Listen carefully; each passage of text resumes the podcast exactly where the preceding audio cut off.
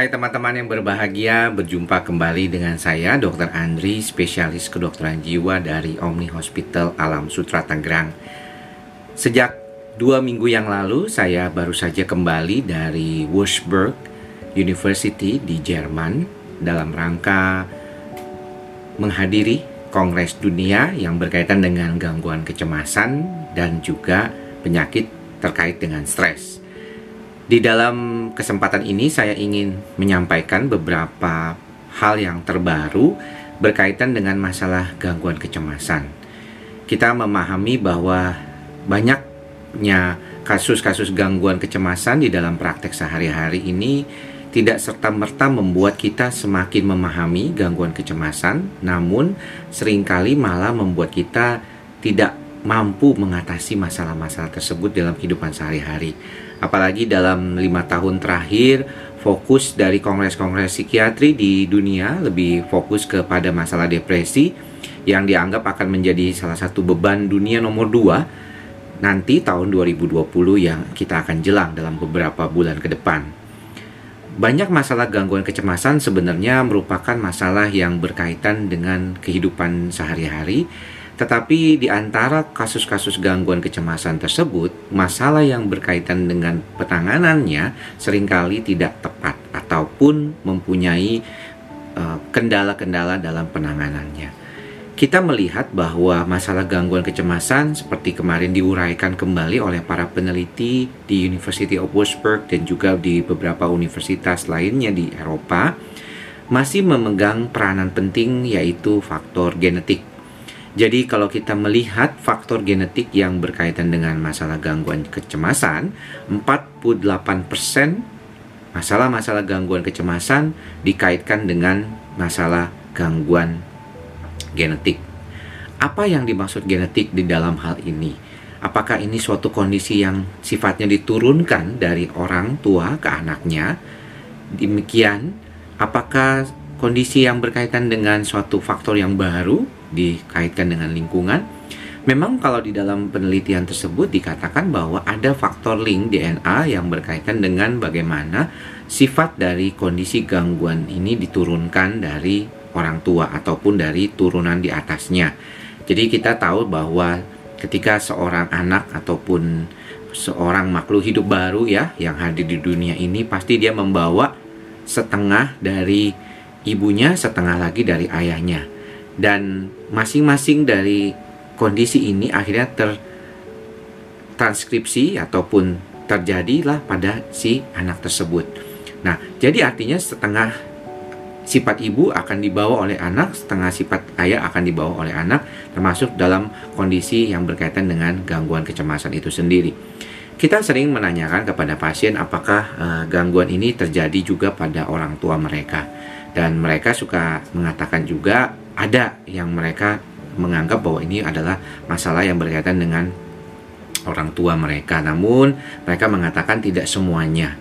Ada juga yang dikaitkan dengan nenek atau kakeknya mereka. Jadi sebenarnya tidak selalu turun langsung karena kalaupun misalnya orang tersebut memiliki bawaan genetik cemas, tetapi kalau dia secara umum lingkungannya cukup mendukung, kemudian ke, satu faktor psikologisnya itu cukup baik dalam artian pola asuh yang diciptakan oleh keluarganya, mungkin si pasien juga sudah mengalami uh, pengobatan sehingga ketika dia punya anak maka pola asuhnya juga akan menjadi jauh lebih baik.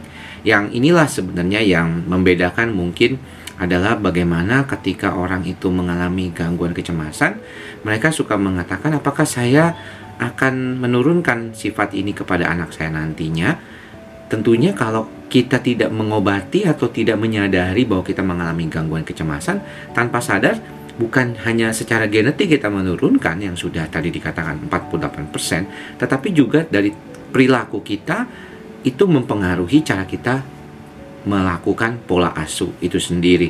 Jadi kita sering mendengar adanya berita ataupun um, ya kabar dari teman kita atau saudara kita atau bahkan uh, lingkungan kita yang mengatakan bahwa orang tua ini sangat protektif sekali, pencemas sehingga anaknya nggak boleh ini nggak boleh itu atau melarang ini melarang itu atau sangat bersih sekali ya sampai sifat bersihnya itu terlalu berlebihan ya. Dan ini memang ketika anak itu mempunyai bakat bawaan ditambah dengan pola asuh yang tidak nyaman ataupun tidak sesuai, kemudian ditambah dengan lingkungan, faktor lingkungan, walaupun mungkin faktor itu tidak terlalu dominan, hanya kecil saja stresnya, maka dia bisa menjadi pemicu untuk terjadinya gangguan pada orang ini. Jadi kita sering melihat bahwa masalah-masalah gangguan kecemasan kalau memang mereka itu dasarnya adalah genetik, maka ketika orang itu dapat pemicu kecil aja ya, dapat pemicu stres kecil saja di lingkungannya, maka buat dia jadi bisa menjadi besar ataupun memicu terjadinya gangguan. Nah, dalam studi lainnya, eh, kita melihat bahwa ternyata sebenarnya perempuan jauh lebih banyak mengalami gangguan kecemasan dibandingkan laki-laki, tetapi kalau kita melihat di dalam prakteknya di Indonesia banyak kasus laki-laki daripada perempuan. Mungkin kalau perempuan itu sudah bersuami dan dia ingin berobat ke gangguan kecemasan suka dihalangi ataupun dihambat karena mungkin tidak memahami pasangan tersebut terhadap masalah gangguan kecemasan. Ini hanya kemungkinan besar. Kita belum ada studi yang khusus terkait dengan hal tersebut. Tetapi kalau kita melihat rentang usia orang yang mengalami gangguan cemas menurut data WHO memang bisa berusia dari usia 15 bahkan sampai 80 tahun dengan prevalensi atau angka kejadian yang relatif sama ini agak sedikit berbeda dengan depresi di mana lebih banyak terjadi pada usia 30-an sampai usia 60-an. Tetapi pada kondisi gangguan cemas dia bisa terjadi pada usia yang paling muda 15 tahun sampai dengan usia gangguannya yaitu 80 tahunan. Jadi cukup setara ya eh, prevalensi atau angka kejadiannya tersebut. Dan kalau kita melihat memang ketika berada di dalam konteks uh, masalah gangguan ini terkait dengan diagnostik, maka kalau kita melihat tipikal gangguan cemas yang sering terjadi di negara-negara Asia, khususnya juga di negara Asia Tenggara seperti Indonesia, adalah gangguan cemas panik dan gangguan fobia ataupun uh, yang berkaitan dengan fobia spesifik seperti takut terbang, takut tempat tinggi, takut tempat tertutup, dan juga social fobia atau gangguan uh, social anxiety seperti kecemasan berada di tempat umum, takut dinilai orang ataupun berada pada kondisi yang dia diperhatikan.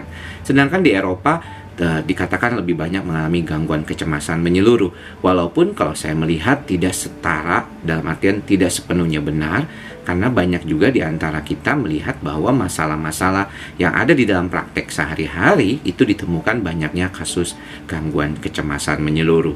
Jadi kalau kita melihat banyak sekali hal-hal yang berkaitan dengan gangguan kecemasan yang mungkin masih perlu diteliti ke depannya. Kemarin saya juga lihat presentasinya fenotip dan genotip itu berperan sekali. Nanti ada epigenetik yaitu bagaimana lingkungan juga akan mempengaruhi uh, gen itu sendiri ya akan bisa mempengaruhi. Sehingga kita tidak perlu kecil hati kalau misalnya kita melihat bahwa aduh kalau saya gangguan kecemasan berarti faktor genetiknya tuh besar banget ya.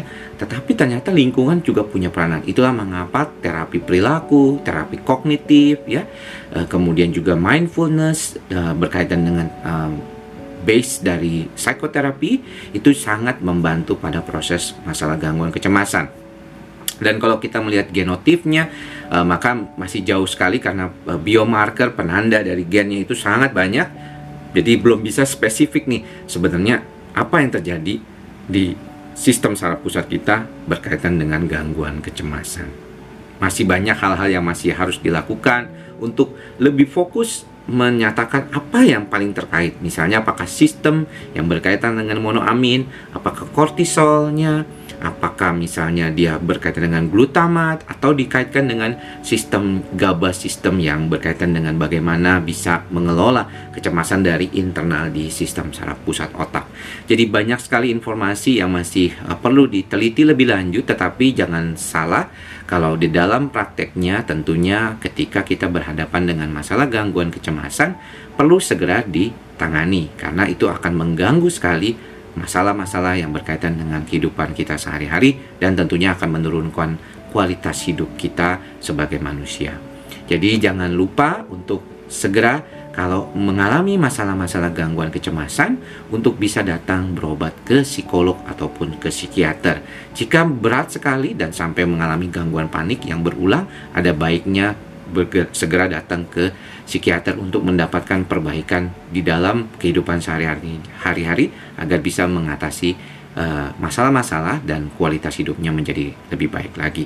Demikianlah uh, laporan yang bisa saya uh, saya sampaikan uh, terkait dengan uh, apa yang saya dapatkan di Wolfsburg University di Jerman berkaitan dengan Kongres Ansietas Internasional. Mohon maaf baru bisa bikin saat ini karena uh, begitu banyaknya kesibukan menjelang Kongres uh, Psikiatri di Balikpapan uh, tanggal 24 sampai 27 Oktober nanti.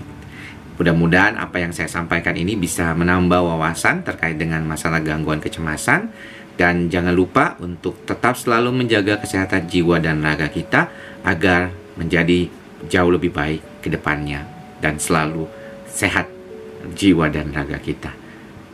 Demikian apa yang bisa saya sampaikan. Silahkan share apa yang saya sampaikan ini jika dirasakan bermanfaat. Jangan lupa untuk subscribe dan aktifkan loncengnya jika merasakan video-video ini bermanfaat dan bisa di-share ke teman-teman semua.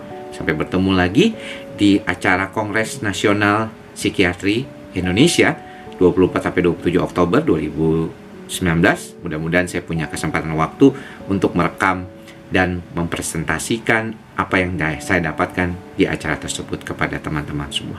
Sampai bertemu di lain kesempatan. Tetap semangat. Salam sehat jiwa. Bye bye.